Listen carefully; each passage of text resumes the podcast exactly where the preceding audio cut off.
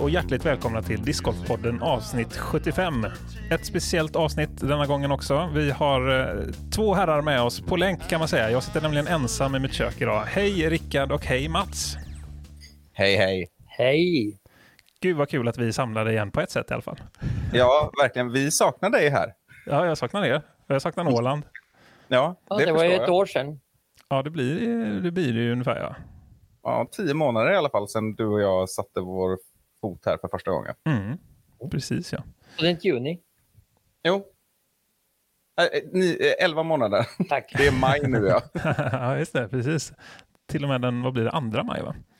Ja, stämmer bra. Tisdag kväll är, är det nu för de som undrar. Precis. Eh, Och ni är och förbereder eh, för en kommande stortävling, visst är det så? Ja, till viss del får vi väl säga. Nu är det ju lite fokus på annat just den här resan. Eh, du har ju dragit hit eh, lite kända ansikten på den europeiska discgolfscenen, Mats. Jo, det är ju egentligen The Magic of Disc Golf säsong två som spelas in nu på, på Åland. Och eh, jag vet inte om ni har pratat om The Magic of Disc Golf egentligen i podden. Jo, vi har nämnt det lite sporadiskt har vi gjort eh, faktiskt. Eh, med Stian Jonsen och så vidare. Precis, och det är ju alltså en tv-serie som följer lite do alltså dokumentärt bakom kulisserna eh, på Eurotour framförallt, PDJ Eurotour. Eh, och följer ett visst antal spelare som de punktmarkerar i första säsongen. Så var det ju Kristoffer Hivjo, Anniken Sten, Josef Berg och så vidare. Jo, Ett gäng till. och det finns ju en röd tråd med där vi just nu sitter i Silverskär. Mm. Och för ja, lite, vad det blir det? Det är mindre än ett år sedan så var vi här första gången efter European Open. Då samlade jag ett antal gäng eh, och det var det som var uppstarten till att eh, The Magic of Disc Golf skulle kunna komma hit och avsluta säsong ett. Och det var just Josef Berg när han satt här i eh, jacuzzin och tyckte att det borde vara jättebra att man ska göra, spela in på Åland egentligen. Mm. Och det var ju en av nyckelgrejerna varför vi kanske fick Åland Open på den vecka som vi fick den. Ja, men så är det nog. Och det var ju alltså, vi var ju här då, då var det jag, Josef Berg, Ever Jenkins, Max Regitnich och ett gäng till eh, svenskar, framförallt Mikael Boy och Fritiof Fagergren och några, några till. Boji. Ja, Boji Bjarnason, ja, islänningen. Eh, och sen då i september, oktober så var de ju här och spelade in då den här tv-serien som finns på Discoff Network och som kommer gå på Discovery Plus också. Nu kanske i, blir i juni eller något sånt där. Och när vi sitter här nu så har vi ju nedanför en trappa här så sitter Josef Berg och Stian Jonsen då som är hjärnan bakom den här tv-serien och två till eh, danskar från filmteamet. Eh, de som faktiskt håller i eh, Carl-Johan Nybos YouTube-kanal. Eh, ja, ja, just det. Ja, men det. De verkar ju duktiga och trevliga ja, mycket, verkligen. Ja, jag ska bara, bara flika in snabbt också här. Jag tror de flesta vet när vi pratar om Mats och Åland, men, men för att tydliggöra kan vi säga att, att det här är ju alltså Mats Adamczak som var med i ett avsnitt som vi kallade så mycket som, som Random Dude Between Sweden and Finland. Visst är det så? Ja, det går inte att förneka. Avsnitt 41. Ett uppskattat eh, och roligt avsnitt eh, tyckte både jag och lyssnarna, vill jag minnas. Ja, precis. Ja, det är ju faktiskt jättehäftigt hur, hur det snabbt knöt ihop och passade in i pusslet som jag har försökt lägga här då ända sedan för tre år sedan. Mm. Att ni kom eh, då för ett år sedan. Precis, ja. Ja, det var, det var ett väldigt trevligt möte. Jo, nej men det vi har gjort den här veckan det är ju egentligen att eh, spela in då första avsnittet. Det är ju tanken att det ska vara på andra säsongen. Så vi får se när det här kommer ut. Det kan ju dröja ett bra tag, gissar jag. Det tror jag också. Ehm, och eh, det kommer ju inte i juni det här avsnitt 7 utan det kommer nog nästa vecka tror jag. Ja, du tror det? Jo, eh, om jag förstår Stian rätt så han klippt nu och jag har ju fått se eh, i princip slutresultatet. Det är 25 minuter då som handlar om Åland. Ja, jag har ju också sett det faktiskt. Men det var när jag pratade med honom i förrgår så var det lite så här att ja, de är lite dåliga på att svara just nu. Så det, Ja, okej, man får se ja. när det kommer. Men det kan också vara att det handlar om Discof, eh, Discof Network eller Discovery och sådär. Strunt samma. Men Ja. det, eh, det kommer bli härlig Ålandsromantik. Förutom Discgolf-romantiken vill jag lova i alla fall. Mm. Just det, sista avsnittet är alltså Ålandsavsnittet då ja. Ja, näst sista blir det väl. Jag tror det är åtta avsnitt totalt va? Jo, jag har inte riktigt tänkt med kronologin i hans tänk. För att det borde ju naturligtvis vara eh, avsnitt åtta i så fall, om det är åtta avsnitt. Men Mm. som sagt han får göra det där hur han vill. Men det var ju som du sa Simon, att eh, vi sitter ju annars också, även när jag är hemma i Vänersborg och jobbar en del med det här stora eventet som tanken är ska gå eh, i juli, eller tanken är väl inte, det kommer att vara i juli. ja, Det precis. ska vi inte så några tvivel i detta. det, det är klappat och klart, så sett. Eh, men jag tänker, kan inte du berätta lite Mats om eh, när du började tänka, för vi har ju berättat historien om den här satsningen på alla banor och liknande på Åland, men när, när började du tänka på det här med en stor tävling? Det var ju innan jag fanns för dig. Jo, ehm, i ett ganska tidigt skede så, så tänkte jag, eh, ambitionsnivån var att jag har en stor tävling på Åland. Ehm, men eh, då tänkte jag att det är jättemycket att arrangera. Och vi hade nog egentligen inte organisationen för det. Eh, och då var plan A till hans skinmatch 2021 med mm, Eagle och Macbeth och Antila Eh, jag kommer inte ihåg vad den fjärde var. Men i alla fall, och det var vi jättenära till att få till för att då skulle det vara anslutning med European Open. Men sen blev det så att eh, av olika orsaker så Eagle var skadad, Lisotte blev pappa och det var de fyra. Eh, och eh, så då blev det aldrig den grejen i 2021. Och samtidigt så hade vi en, ehm, e-, ett, en Eh, organisatör som ordnade en PDGA-tävling, den som ni var med och spelade. Och det var ju inte någon jättestor uppslutning på den på Soltuna, det var väl kanske 30-35 stycken. Och då fick jag väl en, en insikt att oj, det är jättesvårt att få hit finska spelare um, och komma och tävla på en icke toppklassturnering. Och då blev det slutsatsen, då måste jag ju ha den här storturneringen i alla fall då. Fast det krävs mer organisation. Och efter att jag varit i European Open, eh, som var i mm, tredje veckan i juli i fjol, så såg jag att det finns ju saker som vi kan göra som faktiskt kan bli bättre på Åland än vad European Open kan leverera. Och det låter ju helt sjukt eftersom det är en helt galet häftig tävling, European Open. Men eh, nackdelen som de har, som alla storstäder har, är att det är jättesvårt att slå igenom som en mindre idrott om du inte är fotbolls-VM eller hockey-VM eller någonting sånt. Och det vet jag ju sedan gammalt att på Åland så kan vi göra tävlingar och arrangemang på väldigt hög nivå och att det syns i ett samhälle eh, otroligt mycket mer här eftersom vi är så mycket färre. Så det var väl egentligen eh, i samband med det när jag plockade med mig den här bussen med, med Rickard och, och Avery och en hel drös och så kokade jag ihop det egentligen på Silverskär att det här kan ju faktiskt bli någonting. Mm.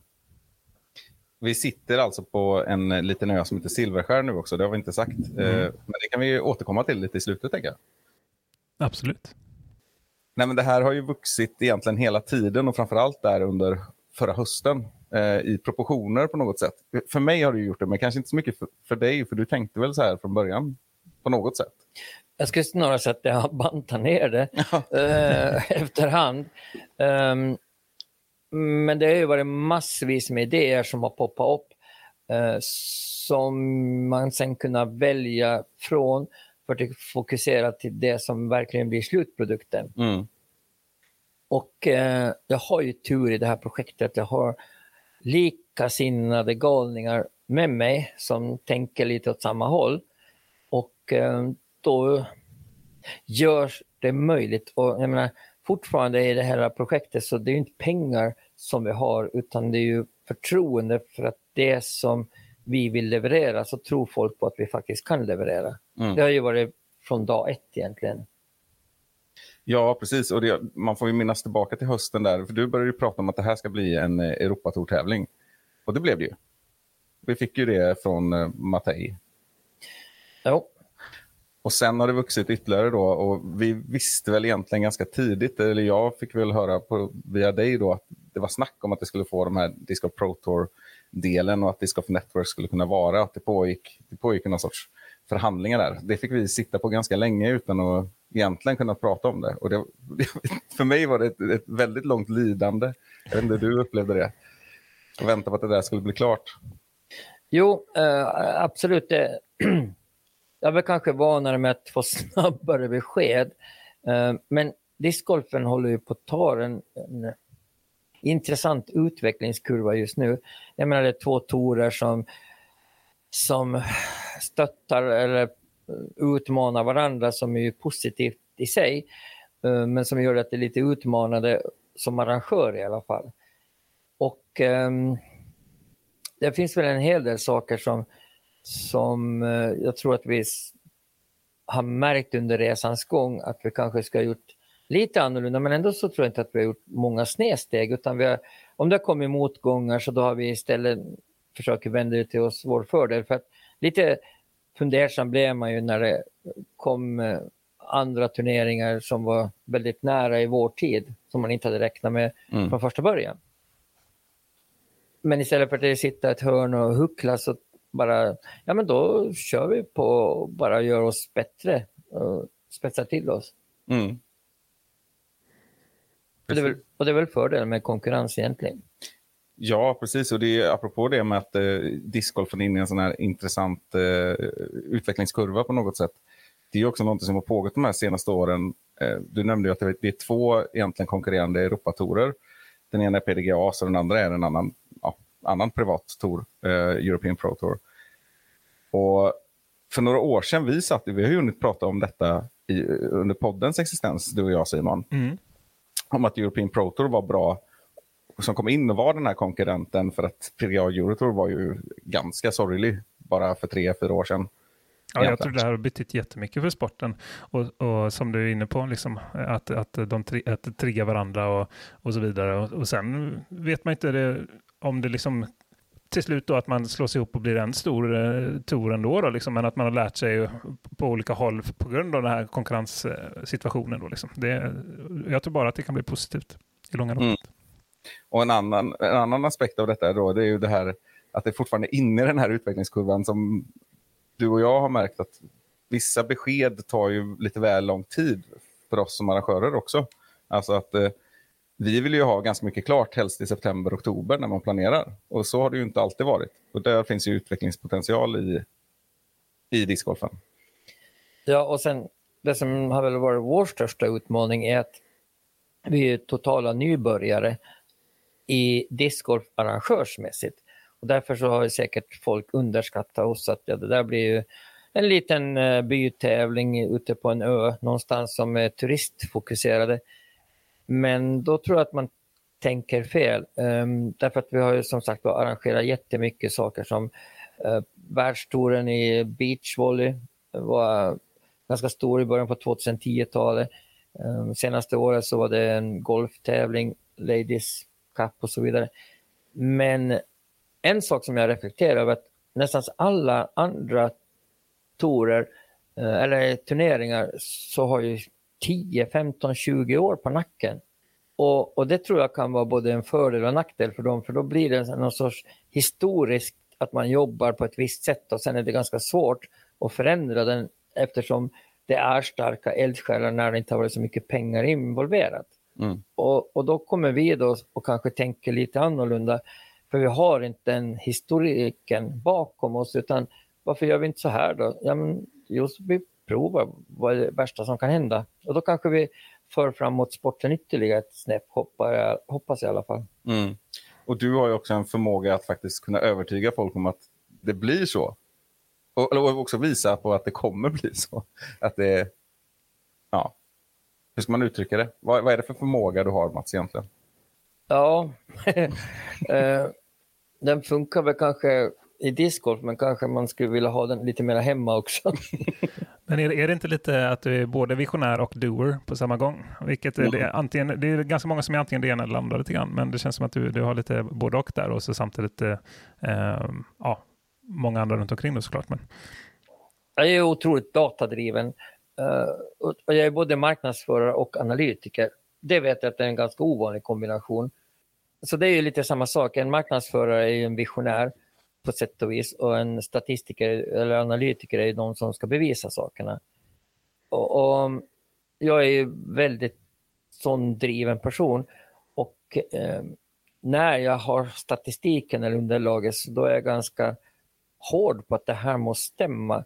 Och det är kanske det som smittar av sig, jag vet inte. Mm. Ja, men så kan det nog vara. Sen, sen finns det ju liksom det här att, som du sa, att det, ett sån här, den här typen av event kan göra ett större intryck också på en, en mindre plats än i en storstad till exempel.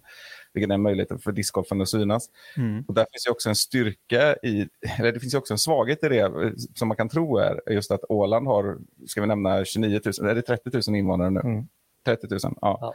ja. Eh, och man förstår själv att det, det är ju mindre än Vänersborgs kommun till exempel mm. och det finns en klubb finns resurserna, alltså personer som, som eh, kan göra detta. Men där har ju du också ett sånt otroligt starkt nätverk här. Jo, alltså utan den erfarenheten jag hade från när jag gjorde lite samma sak med innebandy för 35 år sedan. Um, du tog hit eh, innebandy-VM till eh, Åland ska vi säga då? Ja, 90, 90, 1997 efter fem år så fick vi hit världens första dammästerskap i innebandy. Um, och um, det gjorde ju att jag fick ett ganska stort självförtroende att om jag verkligen tror på någonting och det är rätt timing för att jag menar förtroende är ju jättestort men timing kanske är ännu viktigare att man det är ganska svårt att sparka mål om, om, man inte får bollen eller står på rätt ställe och, och här känns det som att det är klockrent att uh, göra någonting som kan ha en effekt. Och det har vi ju redan visat med som turistmål. Det är som eh, Morgan, Morgan sa, eh, spelaren, eh Brack, Backe, nej, Morgan, eh, Mårten. Ja, ja. Vad fan heter han? Mårten Bränna. Ja, Bränna, Mårten Bränna. Som sa att man är helt dum i huvudet om man inte får hit och, och turistar. I princip. Ja, men då har man ju lyckats någonstans. Ja. Han är också med här då eh, tillsammans med Ronny Rönkonen från Finland och Elias Lukkonen som också varit här. Missar vi någon nu så vi nämner alla. Josef. Ja, Josef Berg har vi sagt. Ja. Ja. Jag fick ju den äran att träffa både Morten och Stian på Ale Discocenter häromdagen. Eh, de var och hälsade på där, så det var väldigt trevligt. Ja, precis. Så det, det var på vägen till Åland ska jag säga. Då. Ja, mm. jag vill bara flika in här. Stian Jonsen Eh, är ju en eh, självklar framtida gäst för dig och mig Simon. Men vi vill gärna åka hem till honom för han eh, håller på att bygga världens bästa discgolfbana. Jajamän. Enligt sig själv. Det är ju det som är målet och det är det som är titeln på alla de 176 avsnitten som finns på Youtube där han visar upp det här arbetets gång. kan man säga. Lille Leland discgolf. Och det är väl där kanske han och jag har hittat varandra också, att han har ju ambitionen att göra någonting stort. Eh, mm. Och då kommer han förmodligen att lyckas med det också. Mm.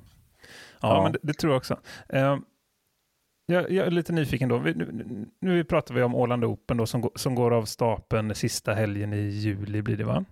Uh, eller sista veckan kan man väl säga. Det blir ju en, ett, ett flera dagars event liksom. Uh, och ni är inne på det här och, och pratar om, eh, så, eller så här, som lyssnare så hade jag varit nyfiken på att höra om vad det är som ni tror att ni har gjort annorlunda då, om ni, om ni jämför med de här tävlingarna som har funnits länge och sådär, att ni kanske tänker lite utanför boxen. Vad, vad blir det som blir lite, lite extra med Åland Open skulle ni säga då?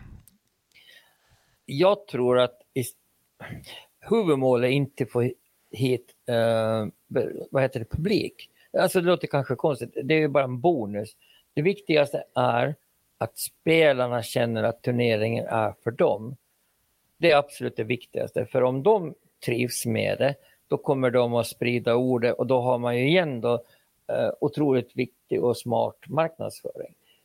Och det finns ju saker som vi har på gång då och som är annorlunda är att vi har kopplat ihop oss jättetajt med festivalen som är under nio dagar i Mariehamn som är ett stenkast från eh, där själva tävlingen är, då, fem kilometer om jag kommer ihåg rätt. Och, och tanken är väl egentligen att man har discgolf på dagarna eh, och party eller festival på kvällen. Och att de här knyts ihop jättetajt. Och det kommer att gynna festivalen då, som har lite svårt att få aktiviteter på, på dagtid. Men där blir det alltså en storbilds-TV som är mitt i centrum i Mariehamn och där kan man följa då Åland Open och förhoppningsvis så är det någon som blir tillräckligt nyfiken och får ut och tittar då till mm. Västerkalmar eller var det nu är någonstans. Uh, och, eller Soltuna, fast det är ju framförallt Västerkalmar då som kommer få titta förhoppningsvis. Ja, precis. Och jag, jag tänker ju samma sak givetvis, men alltså, jag är nog mer sugen på det där och mer inriktad på det här med publiken, men jag inser också att, att jag tror att det är nästa år. För det är då ja. vi liksom har skapat detta. Alltså att första året så är det svårt att, att locka många och vi har, det finns ju då en amatörklass, för det är ju, alltså, tävlingen ingår både i Swedish Disc Golf Pro Tour, eh, Eurotour och eh, Disc Golf Pro Tour. Mm. Men till Swedish Disc Golf Pro Tour kommer ju också en amatördel. Men du och jag kände ju också detta när vi åkte hit första gången, eh, Simon, att det, det, var som, det fanns en tröskel att åka till Åland. Man, tyckte det var, man trodde det var svårt och så visade det sig mm. vara jätteenkelt. Mm. Och även på plats, alltså, ja, man pratar svenska, vi har tagit upp det många gånger som helst. Nej, men eh, just det här att skapa någonting som är mer än en tävling har ju präglat arbetet skulle jag säga. Alltså en upplevelse, en total upplevelse där man inte bara sitter på ett hotell när tävlingsdagen är slut eller någonstans, utan dygnen ska vara fyllda av mm. eh, olika intryck och aktiviteter och, och, det ska vara oförglömligt. Mm. Ja, nej, men det, bara en snabb reflektion där. Jag tror det är helt klockrent att samförlägga med den här festivalen. Liksom, det känns som att det kommer bli en win-win. Att det kommer discgolfa till festivalen då och så kanske vice versa då, och, och så vidare. Då. Så det, det, det känns klockrent. Och jag tror också är inne på någonting där med att det måste ju vara den största utmaningen för eh, en plats som Åland, just att få dit folk utanför som inte ska spela då, liksom, och, och titta. Det, det, det, det, måste nog vara den största utmaningen. Det är liksom som att sätta en liten småstad då i Sverige ute i havet. Eh, säg Vänersborg till exempel då, och så få dit då är det helt plötsligt väldigt mycket svårare att få dit dem från Trollhättan eller eh, Oslo eller, eller Göteborg då till exempel. Eller något sånt där. Eh, bara för att det är det här havet emellan som, som inte är så svårt att korsa som man tror. ja, precis. Och återigen, det tror jag ju, eller det tror jag vi kan se eh, också för i år. Men att det blir något helt annat nästa år när man när det kommer spridas detta, inte bara genom eh, att vi får hit eh, väldigt många jättebra spelarfält som det är nu också, som kommer sprida ordet på det sättet. Det kommer ju synas på massa olika sammanhang. Man kommer känna... Vårt mål är ju också att, tänker jag, att eh, man ska ångra att man inte var här. Mm.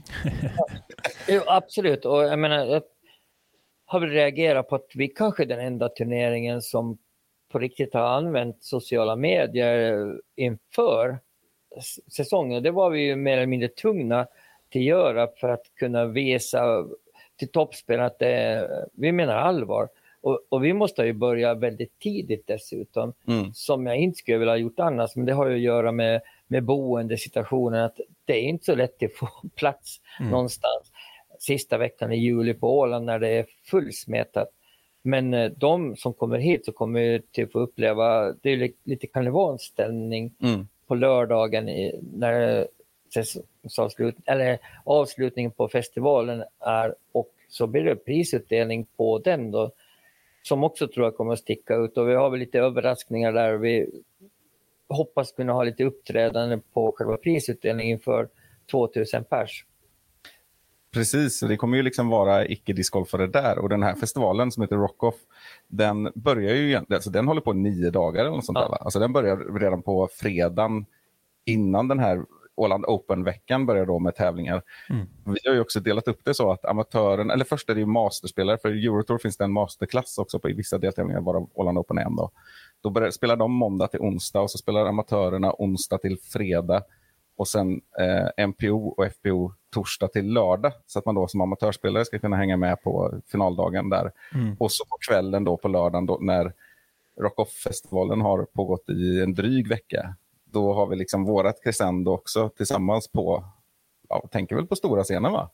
Jo, jo. Ja. Och, och orsaken är ju det, att, som jag noterade när jag var till European Open, att man är i Finlands tredje största stad och så har man världsstjärnor från eh, Paul Macbeth och um, Cooling och Page Pierce och, och så sitter man och det är en söndagkväll mitt i juli och det känns som att man är på en brandstation och spela Fia med knuff. Alltså, det blir så fel. Det borde ju vara en upplevelse för livet. Ja, det, det Mats pratar om här, vi, han, den, det är en rolig formulering också, men det är ju, alltså efter European Open är slut så är det en sån här spelarfest eh, på lokal och man får lite mat och det ena och andra på kvällen inne i Tammerfors. Och jag tror många med mig eh, känner att om man får gå runt och mingla liksom med med Eagle McMahon som precis har vunnit tävlingen och alla de här i spelarfältet, det går ju bara att gå in på PDA och kolla vilka som var med, alla i stort sett. Så är det häftigt i sig, men det Mats pekar på är ju just att det är ju egentligen ingenting särskilt, inget, inget särskilt sammanhang där, liksom, eller påkostat runt omkring. Eh, det är ju egentligen bara galleriet av karaktärer och stjärnor och spelare som är, smäller högt. Liksom. Mm. Men här så kan vi liksom skapa ja, ett helt, det är någonting runt omkring som gör det större och, och, och häftigare. Och, för spelarna också. För, Ja. jag menar, för det, visst, de måste ju ha upplevt det där ganska många gånger. De har ju träffat varandra under hela säsongen, så det kan inte vara jättespeciellt för dem. nej, jag. precis. Och det är ju inte lika spännande för Eagle McMahon att få mingla med mig. Säg inte säg inte. Så att, eh, förhoppningen är att de här härliga spelarna som, som kommer till oss då, eh, jag får en helt annan upplevelse. Och, också, men ett större, ja, just ordet större är väl bra. Mm. Mm. Och jag, Större sammanhang. synergier tror jag på och att man vågar ta influenser utifrån. nu låter jag som någon sorts expert på det här, men jag har varit på en turnering. Men det är helt okej då att jag har varit på um, European Open, antar jag. För så mycket häftiga finns det kanske inte i Europa i alla fall. Nej, det, så, det kan man nog slå fast, skulle jag säga. Nej, men då det är ja, precis de här synergieffekterna. Och det, det alltså vi kommer ju ha då, eftersom vi har fått Disc Golf Network kommer hit och sänder live eh, alla tre rundorna. Och vi har den här storbilden på festivalen dagtid som kommer sända det på, på, liksom, på en av scenerna. Eh, och det, vad var det, 700 sittplatser eh, framför scenen? Liksom. Ja, jag tror någonting sånt. Ja, eh, alltså, vi räknar ju inte med att det kanske kommer, kommer bli spring efter de här platserna från discgolfare som har rest till Åland för att göra det. Liksom, och dricka öl på dagarna och titta på det och sen åka bort till banan och sådär. Men det kan ju dra annat liksom. Eh, och skapa någonting nytt och liksom väcka ett intresse hos de som egentligen bara är där för att kolla på vad det nu är för artister som kommer i år. Det vet jag faktiskt inte riktigt. Att Det är ju lika mycket till visa till resten av ålänningarna hur stort det här egentligen är. För det tror jag inte är speciellt många som fattar. Nej, eh, på riktigt. Jag menar, golfturneringen som var här i höstas, Ladies Cup, högst rankade eh, spelaren var 97 i världen och sen så var det resten var över 200. Och ändå så var det ju eh, en gigantisk satsning för det åländska samhället och vi är ju inte ens i närheten av de pengarna. För det är ganska svårt typ att få sponsorpengar nu som läge är då, ekonomin. Men jag, vi fixar det nog ändå eh, för att vi har rätt inställning och försöker vara stridsmarta i många sammanhang. Mm. och jag tror jag nämnde det, eller jag har nämnt det säkert flera gånger, men ganska nyss i något avsnitt också, att från mitt perspektiv blir det ganska tydligt att det är en styrka just som Mats har att inte vara så insyltad i detta. Det som du pratade om, att det är lite gamla hjulspår för många event som har hållit på länge också. Och du ser inte riktigt de där gränserna. Det gör du ju inte annars heller, oavsett vilket sammanhang det skulle vara kanske. Är- det, är det en liten sån rollfördelning vi har fått? Att du frågar mig saker och så är jag realisten och sen så får du, lyckas du alltid övertyga mig om att men det där går ju faktiskt att göra. Ja, absolut så är Rickard ett jätteviktigt bollplank när det gäller discgolfen överlag. Eh, kan man göra så här och sen så kanske han säger nej och det kanske triggar mig mer än, än eh, om man ska säga Det kan ja. man visst. Han har liksom sökt upp en delvis nej-sägare här. ja, ja, visst. Att då, då håller jag honom på tårna. Ja, det är bra. Ja. Men eh, jag tror att det finns en, en grundplan och det, det är lite speciellt. Då. Jag har ju pratat med Finska discgolfförbundet för inte så länge sedan och, och jag tyckte det var ett otroligt bra diskussion som vi hade och där de såg möjligheten att vi kan göra någonting tillsammans fast vi kanske till och med blir ett eget förbund i framtiden Åland. För att det finns en poäng i det, den här storytellingen som jag är ute efter. att vi det skulle vara coolt att Åland är världens minsta discgolfnation för det skulle ju vara mm. ytterligare en liten krydda på att åka till Åland. Och allting egentligen i mitt perspektiv handlar om att bättra på den här storyn. Och där är Åland Open bara en del i storybildning och det tror jag kanske sticker ut mot andra som kanske har tävlingen och turneringen som huvudmål. Men här är det inte ens till få publiken till tävlingen utan att de ska komma när det inte är Åland Open. Uh, att de ska komma hit resten av året. Mm. Det är ju det som är huvudgrejen. Och det måste ju vara annorlunda om man jämför med alla andra turneringar som som existerar idag.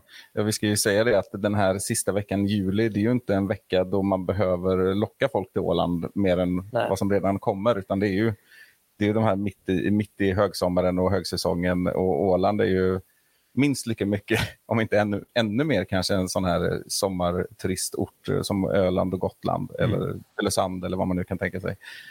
Um, sen vill jag också lyfta fram då att uh, alltså det som har, en sak som har imponerat på mig under den här resans gång, just det där med, om vi pratar om Mats nätverk, så är det ju just att vi sitter ju här nu och det är ju inte, det är inte vi ensamma som gör detta, ska vi vara väldigt viktiga ja. att påpeka. Det, alltså det som har imponerat på mig är den här stora staben som du har fått fram. Som dessutom då, alltså jag tror att på de här mötena vi har, eh, där jag får sitta med digitalt, egentligen har vi väl 15 olika personer i så ledande befattningar på något sätt med ett ansvarsområde. Eh, ja. Och det som imponerar på mig är att alla har ju liksom verkligen en otrolig kompetens för det de ska göra också. Jo, alltså jag försöker ju um, ge dem som jag vet är duktiga på ett, eller har ett intresse för ett visst område, mm. att de får ta den bollen. För det har jag lärt mig att jag, förut har man alltid varit att man kan själv, lite som barn ändå. Men nu måste jag hitta rätt personer och där har jag som Hasse, är ju helt mm. underbar eh, bollplank. Kanske inte, jo han är duktig på discgolf också, men han är ju mera, eh, är det här för galet? Och säger han att det är för galet, då faktiskt taggar ner lite. ja, och det är roligt för att när jag har beskrivit Hasse för Erika, då, min sambo, mm. så säger hon det låter som en till Mats. och det, och det, beskriver det ganska bra och det är ganska roligt utifrån det du säger nu. Då. Mm. Uh, grejen är att han har aldrig sagt att jag varit för galen. nej, precis. Nej, han har aldrig dragit bromsen för dig. Nej. nej. Men när det väl händer, då vet att det är på riktigt. Så att säga. ja, jag har blivit nertaggade nu. Mm. Men jag tänkte jag hade en fundering där. Ni pratade lite om, eh, om sponsorer och att det kanske är tufft nu, men att ni har ändå jobbat mycket med det där och så. Hur, har ni, jag tror det är många som är nyfikna på det, hur ser ProPerson ut? Vad, kan ni, vad vet ni? Hur mycket pengar finns det liksom i, i, eh, i vinstpengar för de som kommer och tävlar? Kan ni svara på det i, i dagsläget?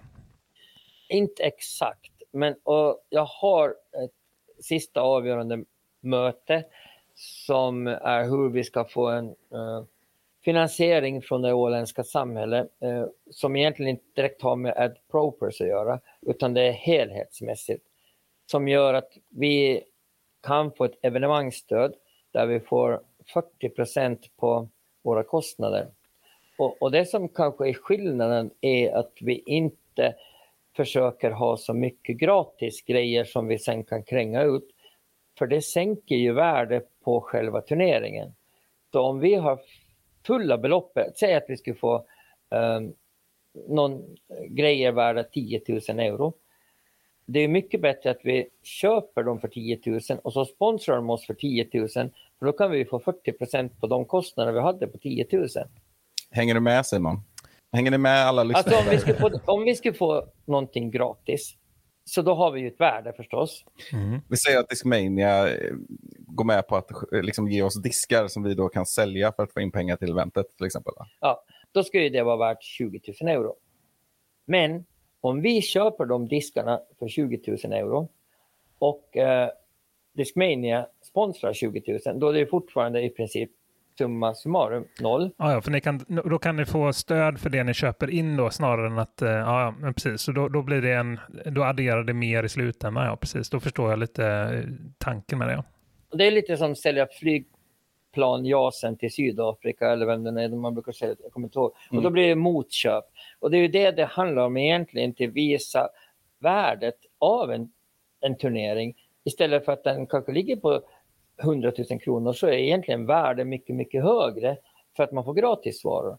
Så det är ju inte något fuffens på något sätt utan då är det ju faktiskt det riktiga värdet. Mm. Man, och då gynnar det det hela idrotten om man kan få, istället för att det är en 20 000 euros turnering så plötsligt kanske det är 200 000 euros turnering. Mm. Nej, och något sånt där rakt svar på exakt hur mycket prispengar det kommer vara eller added cash som man brukar säga då. Det kan vi ju inte ge för att vi inte har det helt enkelt. Men ska vi utgå från lite grann hur, hur, hur det har varit från första början. Det finns ju någon sorts grund där vi i princip garanterar 250 000 kronor i, i ProPers eller added cash. Ja. Och vi börjar där. Mm. Och sen kan vi väl också säga att vårat, vårat mål och förhoppning är att det ska dubblas minst. Ja, och det hänger lite på hur många som är med i amatörtävlingen och, och sådana saker som vi inte riktigt vet ännu. Mm. Just det. Eh, Men eh, jag skulle vilja säga också att förhoppningarna är ganska goda för att Ja. vi ska nå fram åtminstone till det då, en halv miljon kronor i, i tillagda pengar. Mm. Ja, men det är häftigt. Sen hade jag en annan fundering som, eh, som jag visserligen vet svaret på hyfsat i alla fall, men jag tänkte att jag tror det är några lyssnare som är nyfikna på banan i det här fallet är det väl som, eh, som Open-klasserna ska spela på. I och med att det här inte är en tävling som har varit innan och definitivt inte har sänts innan som det kommer göra så är det nog några som är nyfikna. Om ni ska beskriva den banan lite, eh, hur skulle ni göra det? Ja, alltså, där kanske Rickard är bättre på att beskriva. Ja, nej men jag, jag, vill, jag vill säga, när jag och min kompis Simon var här förra sommaren, Ja, jag känner Då- honom. ja, ja, precis. Då, då, då kände vi ju ganska direkt att det här hade varit eh, kanske inte den bästa banan i Sverige, eller absolut inte eh, så, ska vi väl vara ärliga och säga, men definitivt en, en topp 10-bana i Sverige. Eh, utan att nämna några eller vad det, vad det liknar exakt i, i rang på något sätt. Men att det är en, det är en tuff bana, eh, par 64 tror jag i nuläget, någonting där. Eh, som på något sätt bör, front, front nine är lite mer i skog och nerhuggen skog. Eh, och mycket upp och ner också. Eh. Och sen eh, är back nine då i betydligt mer öppen ängsmiljö kan man säga och mer vita pinnar. Och den banan har ju också nu då, för er som har varit på den, Västerkalmar är det vi pratar om, det kanske vi inte har sagt. Nej, det var det jag skulle försöka flika in, men bra, bra att du tog det. som då, då ligger alltså fem kilometer utanför Mariehamn eh, centrum. Eh, och en sak som jag gjorde när jag var här då i höstas, eh, framförallt i september och oktober, så stannade jag kvar lite extra också. Fast då jobbade jag kanske inte så mycket med det. Kommer jag på nu. Men i alla fall, det är ju att liksom samla in information från de här eh, eh, toppspelarna som vi har haft här. Och, och, och själv liksom sammanställa någon sorts eh, dokument för hur banan borde utvecklas utifrån framförallt hur de tänker. För att det är inte, mycket mer intressant hur, hur Hjalte Jensen, och Josef Berg och eh, Blairön Asgeirsson eh, spelar banan. Mm. Eh, och klär av den på ett annat sätt. Alltså för de gör ju helt galna saker på de här hållen. De Ja. fruktansvärt långt och hitta linjer som inte ens Pasikoivo kanske har tänkt på. Och där har ju arbetet gått på hela vintern och jag har ju kunnat sitta och njuta av de här eh, bilderna och rapporterna på Facebook framförallt om eh, alla talkor som ni har, som det kallas. Arbetsdagar skulle vi vilja säga i Sverige. Mm. Men det är ju en, eh, för den generella discgolfaren, en väldigt tuff bana där paret skulle ge hög rating. Vad, vad, brukar, vad har det varit kanske? Alltså 980, räcker det? Nej, det räcker inte. Jag tror inte att det räcker. Nej, så då är det ju en svårighetsgrad i förhållande till par som kanske är alevit ungefär. Mm. Men ja, Och det är för mig att vi jämförde den med när vi var där också i svårighetsgrad. Liksom.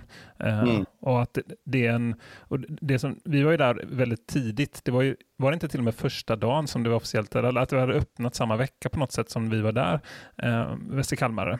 Och eh, det var nog för säsongen kanske.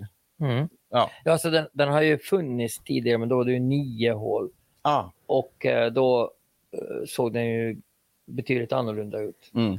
Ja, i alla fall för mig att det var väldigt liksom, tidigt när, när det, Oh, liksom, ja, det, det var, det var öppet. Och, eh, och, och det, det märktes ju såklart att det liksom var mycket som var nytt. Men är det något som vi eh, pekade på när vi var där så var det verkligen potentialen. Liksom. Potentialen, potentialen, potentialen. Fantastiska möjligheter på den banan. Och jag har förstått att, att just lite ändringar och dessutom har den ju spelats in mer nu och så vidare. och Så vidare. Så jag ser jättemycket fram emot att komma dit igen och spela den här, för jag tror att det kan bli hur bra som helst. Alltså, den, är, den, är, den var riktigt rolig att spela. Det var några som, som vi har pratat om innan där med, eh, med eh, lite väl många blinda korgar, men jag har förstått det som så har det också ändrats på ett par hål. Och, och det låter ju lovande. Ja, det har ändrats på ett par hål och det kommer ändras på desto fler, för några är inte flyttade helt enkelt, korgarna och sådär. Men eh, ja, nej, jag tror att den eh, jag tror att den kommer se bra ut på sändningen också. Det tror jag. Mm. Ja, det, det pratar Passikoivo med att just där kamerateamen ska vara filma bakom eh, vid utkasten, så där kanske vi måste tänka till lite också Mm. ytterligare. Som inte vi har så mycket stor erfarenhet av hittills förstås. Eh, Så att det kommer ju säkert bli förändringar från år till år. Mm. Men eh, då ska man ju komma ihåg att den har ju inte funnits i ett år ännu. Nej. Nej, nej, jättespännande. Jo, vi pratade tidigare om saker som ni gjort annorlunda och någonting som ni har eh, stuckit ut med, som du var inne på där också Mats, var ju det här med att ni marknadsförde er tidigt och på, eh, på flera olika sätt egentligen. Och ett, ett väldigt trevligt sätt som jag tror har uppskattats av många är ju det här att eh, ni har gått ut på Instagram och Facebook och, och med bilder på de som ska spela tävlingen och i stort sett alla I alla fall väldigt många av dem. Högratade som lite lägre ratade. Nu är det i och för sig ett högratat fält så sett. Men det är ju eh, som sagt väldigt uppskattat och eh, finns det någon speciell tanke bakom det? Liksom, och, och kan vi gå in och prata om spelarna som, som ska vara med? Det hade varit kul också. Ja, eh, helt klart så. Det har jag ju lärt mig när jag jobbar med marknadsföring att, och storytelling är ju att om man kan göra äkta engagemang så då finns det en större chans att de i sin tur delar det om det finns en poäng i det. Mm. Och vad vi gjorde väldigt tidigt var att vi skapade ja, gnuggbilder eller idolbilder eller vad man ska säga på Instagram eh, och eh, delade dem. Och, och syftet var ju förstås att göra att spelarna kände sig välkomna, för vi välkomnar i princip alla spelare oberoende vilken ranking de har. Vi har ett gäng kvar nu som vi ska absolut göra igen, men det var ett viktigt skede för att då kunde vi dessutom visa att det kommer spelare till oss, för de satt inte och tittade på discgolf scene, eh, eller hur många det som har registrerat sig på Åland Open, utan det var ju de närmast sörjade, så att vi fick ut den grejen på det sättet som jag tror inte någon annan turnering har gjort. Eller? Nej, precis. Och jag tror inte att andra turneringar av den här storleken har det behovet, precis som du beskriver heller. Alltså att vi, vi, vi hade lätt kunnat försvinna lite där också. Jag, jag tror det var ett måste och det var mm, faktiskt ett smart drag till, till visa att vi, vi menar allvar igen. Mm. Mm. Och nu har vi, jag tror det är 28 stycken herrar som är över 1000 ratade. Och det måste ju anses riktigt okej för att det tror jag inte är så jättemånga Europatävlingar som eh, kan matcha. Förutom Sula och, och förstås European Open. Mm. Nej, det kan nog stämma. Har vi några, kan vi göra några stickprov och, och kolla på lite namnkunniga eh, discgolfare både för MPO och FPO? Det hade varit kul. Ja, hemskt gärna. Nej. Jo, men det är, det är ju faktiskt så att vi, vi har väl dels konstaterat att eh, väldig majoritet av topp 10 från Finland eh, är representerade i fältet. Mm. Och den högst ratade spelaren är Niklas Antila som kommer. Just det, som har visat eh, framfötterna ordentligt nu på början av eh, touren i USA. Precis, och så har vi ju lockat en del från USA också. Men bland finnarna så har vi dels honom då, och så har vi Nilo Hongisto, Jesse Nieminen, Jona Heininen, eh, ja, ett, och ett gäng till. Och så Mm. kan vi gå över till andra nordiska länder så har vi Knut Wallen Håland och Øystein Jarnes från Norge bland annat. Morten Brenna då också förstås. Eh, bland amerikanerna så har vi Nicolo Castro Mm. eh, som har fått ett wildcard. Eh, vi har Greg Barsby, världsmästaren för 2018. Eh, Matt Bell, Erica Oakley, Thomas Gilbert. Kanadensare, jag vet. Men eh, nordamerikan, amerikanare sa jag ju. så Ja, det det funkar Ja. faktiskt. Jag måste Jo, bara men- flika in och säga att eh, det finns, finns nog inte mycket mer wildcards än Nicolo Castro på många sätt så att säga.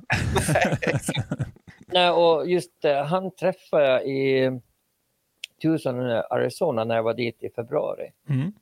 Och eh, det var ju ett, när jag skulle försöka få Kevin Jones till komma till Åland Open så fick jag ju reda på att han var ihop med Cat Merch. Och, eh, det- Castro ska vi säga då, ja. inte Kevin Jones. Precis, och det kanske blir lite förväxlingar eh, som jag inte vill ta ansvar för. Men i alla fall så eh, det gjorde ju att eh, jag höll en dialog eh, med både Cat och med Nico och eh, det gjorde att Lone Star kommer också de här Carey och eh, hennes man AJ. AJ. Mm. Ja, just det. Deanne och AJ heter Ja. Mm. Och sen har vi ju Sarah Hokum. Sarah Hokum, ja. Ja, häftigt. legendar och eh, superstjärna i nuet. Eh, men det här med Cat Merch, det var ju otroligt bra timing nu också att hon, att hon vann.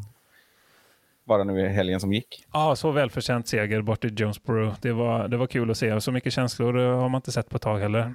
Nej, Så det var Och då- häftigt. då ska man komma till Åland i sommar om man vill se de känslorna igen kanske. Ja, Ja. inte. Alltså orsaken varför jag pratade med Kevin Jones var att jag ville ha han och DJa på eh, festivaldagens prisutdelning Mhm. inför 2000 pers. Men då berättade Nico att eh, Cat Mercy är en riktig hejare på att sjunga. Så nu är det meningen att hon ska sjunga inför 2000 pers då på, på prisutdelningen på Rockofestivalen. Ja, vad häftigt. Ja, och vi är väl ganska säkra på att hon vill det här också. Jag, jag är mer än säker för hon ska skicka eh, låtval här inom två veckor. Det är, det är väl kanske också så att eh, har hon blivit godkänd av festivalgeneralen Dennis?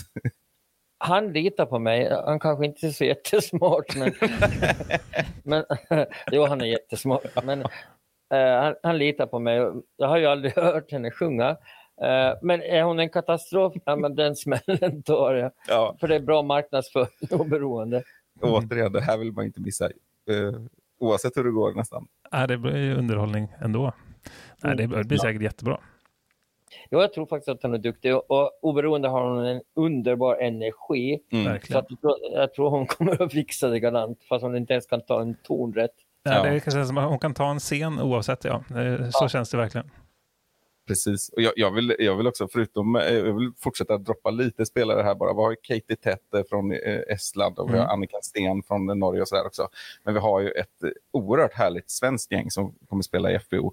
Eh, Rut Schlissel, Amanda Lennartsson, Ella Taylor, Jenny Larsson, Kajsa Wahl, Josefin Johansson. Kanske missat någon. Sara Hasselsjö och så vidare. Ja, det är, det är kul. Alltså, vi har i alla fall tre, fyra stycken på topp åtta i Sverige på Mm. de sidan som kommer. Sen är det ju en hel del ungdomar som är eh, 18 år och yngre. Bland annat eh, Elias Lukkonen som har varit här som är ju, han är inte junior enligt den definitionen men hos oss är han en 18-åring och då får han vara med i vårt skidevent som är juniortävling under Roland Open. Så att vi utser den bästa junioren också. Så det är väl kanske också lite nytänkt då att vi har tre olika sidevent under själva Åland Open Mm. som gör att om det går skit första dagen som spelare så kanske du kan eh, göra någonting i nationskuppen som vi har eller i Brands Cup eller även i junior. För om du gör en bra runda dag två, för då börjar man från noll igen. Mm. Då kan man bidra och det kanske är lite annorlunda tänkt tror jag. Ja, Precis. det, det, Och Det här är ju någonting du har efterfrågat Simon, just det här med kanske nationstillhörighet ska spela någon roll och så. Eh. Mm. Ja, jag håller helt med och det var bra att du tog upp det Mats. För det, det, vi, vi har ju nämnt det någon gång lite i förbifarten tror jag när vi har pratat om Åland Open i tidigare avsnitt. Men det är jättebra att du tar upp det här för det, det är någonting som, som verkligen sticker ut som en ny grej och en jättebra satsning tycker jag. Sen får man ju utvärdera efteråt och se liksom hur det landade såklart. Men, men bara själva eh, tanken tycker jag tilltalar väldigt mycket. Och det, att, det du är inne på är liksom att man spelar helt som vanligt i sin Open-klass då till exempel. Och så sen så är det liksom något som passivt läggs in på något sätt i, i, i någon statistik då, liksom hur, hur man spelar utifrån, eh, utifrån sin nation då, till exempel och så sammanställs det på något vis och sen också utifrån vilken eh, sponsor man har, men också då även om man spelar i Open-klassen och är 18 år eller yngre då så kan man alltså vinna någon typ av pris då kanske för att man är eh, en av de bästa juniorerna då. Och det, sånt är jättekul. Ja, precis. Och jag vill flika in här, jag tror att vi ska säga nästan samma sak kanske. Men eh, just det här har ju utvärderats ganska mycket. Framförallt är det ju du som sitter och tänker väldigt mycket på hur det här ska eh, liksom gå till och hur vi ska räkna och poäng och det och det andra. Och jag skulle vilja nästan påpeka att så som det har utvecklats under tiden när jag har hört dina idéer så är det ju från, från att vara något sorts bakgrundspassiv till någonting som blir ganska aktivt faktiskt för spelarna ändå. Även om man, som du säger Simon, spelar såklart sin vanliga tävling, Åland Open, och Mm. får en placering. Men vi det är väl inte helt klart exakt hur det ska, eh, vi ska räkna de här poängen och sånt. Men, Ja, nej, men i stort sett så, så blir det ju så att de tre bästa i MP och FO och även Masters, om du tar nationsgruppen, så får man räkna till godo. Så att eh, om man tar första platsen i alla tre klasserna, då får man ju full pott. Men exakt hur många poäng det är, men det, det är lite Formel 1-tänket, tror jag att det blir. att Ettan får 12 poäng, tvåan får 10, trean får 9 eller någonting sånt. Mm. Eh, vi får väl se hur det, det blir. Men eh, tanken är att eh, det ska ge eh, en morot till. Då. Ja, och andra saker som är, det är ju lite spekulationer eller, eller work in progress som man säger då. Då har det ju varit också att eh, en tanke har varit att även om man kanske har spelat en jättedålig första runda så kan det vara så att specifikt andra rundan kan ge poäng om man spelar jättebra där. Så spelar, då spelar ju totalplaceringen inte, inte någon roll heller. Att man kan alltid liksom kämpa för poängen. Och man ska väl inte kanske behöva komma liksom precis i toppen heller ens på en runda för att kunna generera poäng till sin Nej, nej. nation till exempel. Utan, ja, man, man kan alltid vara med och bidra på något sätt. I, i stort sett i alla fall. Mm. Och det kan vara till den 41 eller någonting sånt som får poäng. Mm. Så inte 12 då, som jag sa, utan mera det tänket att man får lite mera ju högre upp man kommer. Och det här är ju ett väldigt starkt startfält så man kan ju säga att alla har ju potential att komma på 41 plats på en av rundorna åtminstone. Ja, men det, det är kul det blir en slags extra krydda på något vis. Så jag, jag brukar ju jämföra med, med min kära sport längdskidor som jag följer mycket. Och där, där har de ju till exempel, det finns ju sådana här U23-kupper och sånt där liksom som ingår och den som är bäst som är under 23 då eller, eller så. Och det låter liknande som detta och även det här till exempel en distanscup då. Man kanske inte har chans på den totala världscupen men du, kommer du föra en viss person så kanske du vinner dis- distanscupen då eller, eller vad det nu kan vara, sprintcupen eller så. Så det, Mm. det, det, är, det är bara kul att ge en extra sak att följa och en extra sak att kämpa för. Och så där. så det, det låter jättebra tycker jag. Mm.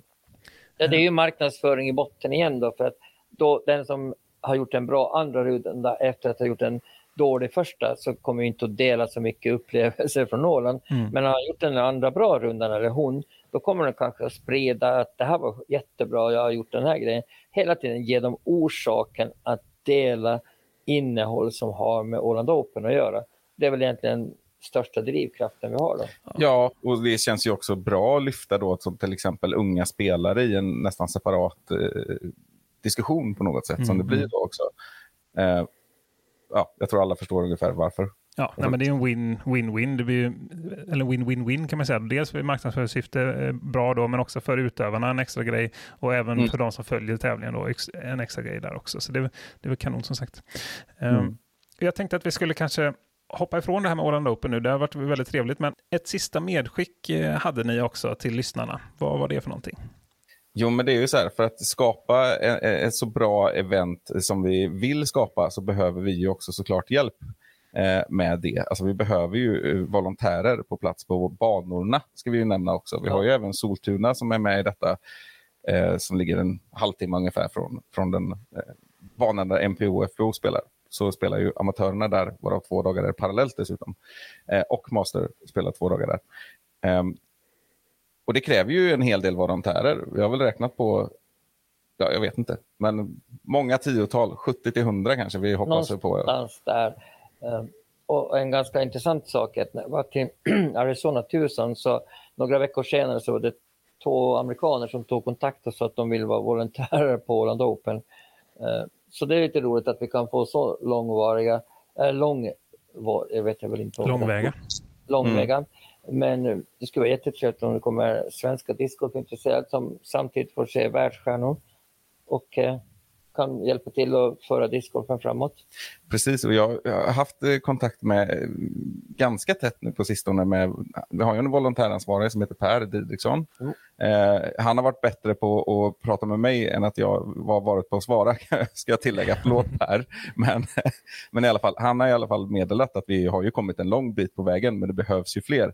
Och i detta ska vi också nämna då att eh, det finns ju givetvis fördelar för de som kommer, förutom då att man får se Greg Barsby och, och, och Cat Merch på nära håll och vara del av någonting här så har vi ju det indelat i arbetspass och uppfyller man ett visst antal arbetspass på detta då, då på ideell basis så, så får man ju också förmåner inbyggda i det. Liksom. Mm. Ehm, bland annat pass till Rockoff-festivalen bland annat ja. Ja, vad spännande. Och hur går man tillväga då om man, om man känner att det här låter kul? Liksom, vem ska man höra av sig till och vilket forum? Bra. Vi har ju faktiskt en hemsida som är ganska mycket under uppbyggnad, men där finns en volontärsflik, bli volontär, där det står där, som i sin tur leder vidare till lite information som faktiskt också är på svenska. Det är väl det enda på hela hemsidan som är på svenska faktiskt, eh, konstigt nog. Men där kan man också då fylla i ett formulär, ett, ett intresseformulär, och Mm. man kan ju givetvis ställa frågor också eh, i detta. Eh, men eh, ja, Ålandopen.com kanske? så, så heter Ja. det. Mm. Bra, Jajamän. Den funkar. den Mm. funkar. Så är det. Och det är, ju också, det är ju också en möjlighet nu om man sitter och lyssnar på detta och blir sugen så vill jag faktiskt uttrycka det så. att Det det är ett erbjudande till alla som sitter och lyssnar. Om man tänker på detta att, eh, att ja, det kanske är lite, lite sent och för sent att komma. Men det här är ju ett sätt att göra det på och faktiskt vara en del av det. Ja. För jag tror faktiskt att vi... Det här är ju ingen engångsföreteelse som eh, vi håller på att bygga upp nu, utan det här är någonting som på sikt ska bli en, en eh, av de stora turneringarna i Europa. Det, eller egentligen topp 10 i världen utan snack om saken. Mm. Det är den nivån vi vill sätta. Mm. Ja, och jag började ju titta lite sådär, eh, lite grann bara för att sätta det i ett sammanhang, det du sa nu, på hur prispengar kanske brukar se ut och sådär. Och det vi pratar om nu, som visserligen då är försiktiga siffror och summor och vi kan inte lova någonting just nu. Men det, det, då hamnar vi i en position där om vi jämför oss med definitivt topp 10 turneringar i Sverige, eller i världen, eh, eh, om man ser till förra årets då, prispengar. Eh, det är inte många som är uppe i de summorna. Nej. Nej, det är coolt som en första gångs eh, turnering så att säga. Ja, och det är ju ett sätt att liksom på något sätt eh, eh, värdera en turneringsstorlek. Men det är ju det är inte bara de värdena vi ser då såklart. Mm. Nej. Ja, men vad roligt. Det ska bli kul att eh, åka till Åland igen. Jag ser fram emot detta väldigt mycket. Och Mm. eh, jag tror och hoppas att det gäller många av våra lyssnare också, både som ska åka dit och säkert följare då på tävlingen på Disc Golf Network. Det var ju lite taskigt att vi inte namedroppade dig också, för du är ju också med i MPO-fältet, Simon. Exakt, kommer nog Och- få mycket eh, tv-tid. Nej, men det, det innebär ju också Åh att nej, den där Simon igen. ja, man kan väl tänka sig att vi har, en, vi har en målgrupp av lyssnare som är intresserade av just Discgolf-podden. Ja, så kan det vara. Och då, då kan vi säga att Discgolf-podden kommer ju vara på plats på Åland Open och vi hoppas ju också köra någon sorts, eh, någon sorts event på något sätt. Mm. Tillsammans under veckan som man ska kunna ta del av. Så det är också kul. Det är Ja. en anledning att komma. exakt, exakt så. Ja, vad bra. Det var trevligt att prata med er igen, grabbar. Dito. Detsamma. Mm. Vad roligt att få vara lite gäst i sin egen podcast. ja, exakt. Det är väl lite meta. Ja, ska vi gå och basta nu eller Mats? Ja. ja. Jobbigt det låter. Ja, ja det, det skulle jag ju säga. Vi ska ju återkomma till det här med silverskär. För det, vi sitter alltså på en liten privat ö i norra delen av den åländska skärgården kan vi säga. Som man måste vara, heta Mats och hyra hela ön för att få, komma, få tillgång till den. jag, jag vet inte om man måste heta Mats, men I min värld. Jag har aldrig varit här utan att det är någon som heter Mats har bokat ön. Så. Nej, men det, det är ett ganska udda koncept, eh, den här ön. Då. Man, man måste boka hela ön och på köpet får man en kock. Och eh, ja, eh, ganska speciell upplevelse. Och jag hoppas ju att på sikt så kanske finska och svenska discgolflandslaget kommer att användas som en basecamp för eh, sina teambildningar och sådant, för det är ju klockrent för det, ska jag vilja påstå. Mm. Mm. Ja, det är Ja. ju kul för den satsningen hoppas vi också lever vidare, så då borde det finnas möjligheter till det framöver. Och vi, vi blir bortskämda här, så kan man säga. Mm, det kan jag tänka mig. Mm. Ja, men vad härligt. Då ska ni få springa till bastun då, så får ni hälsa de andra eh, discgolfarna där. Och eh, ja, även Ingrid och Erika såklart. Ja, precis. Jag är med med familjen. Och Ruben. Ja, ja, ja såklart. Ruben ska jag inte glömma. familjen nu. Ja. Ja, jag, Nej, jag är inte van vid det där. Han fick faktiskt eh, besöka Josef Bergs famn lite förut här, så jag har tagit en bild så att uh, Josefs fru ska bli lite sugen på att skaffa barn. tror jag. Eller nej, hon skulle väl bli avundsjuk kanske, eller jag vet inte. Hon älskar bebisar. Ja, vad bra. Men då så, då tror jag vi eh, stänger det här avsnittet och så tackar vi återigen och så på återseende. Tack själv Simon. Ha det Simon. Ha det gott! See me driving after tea. Weather's looking good. Got a disc bag full of tricks. Yeah, I got them spinning. I'm listening to music you can't hear. I got my magic plastic in the air. Cause I'm a disc yes I am.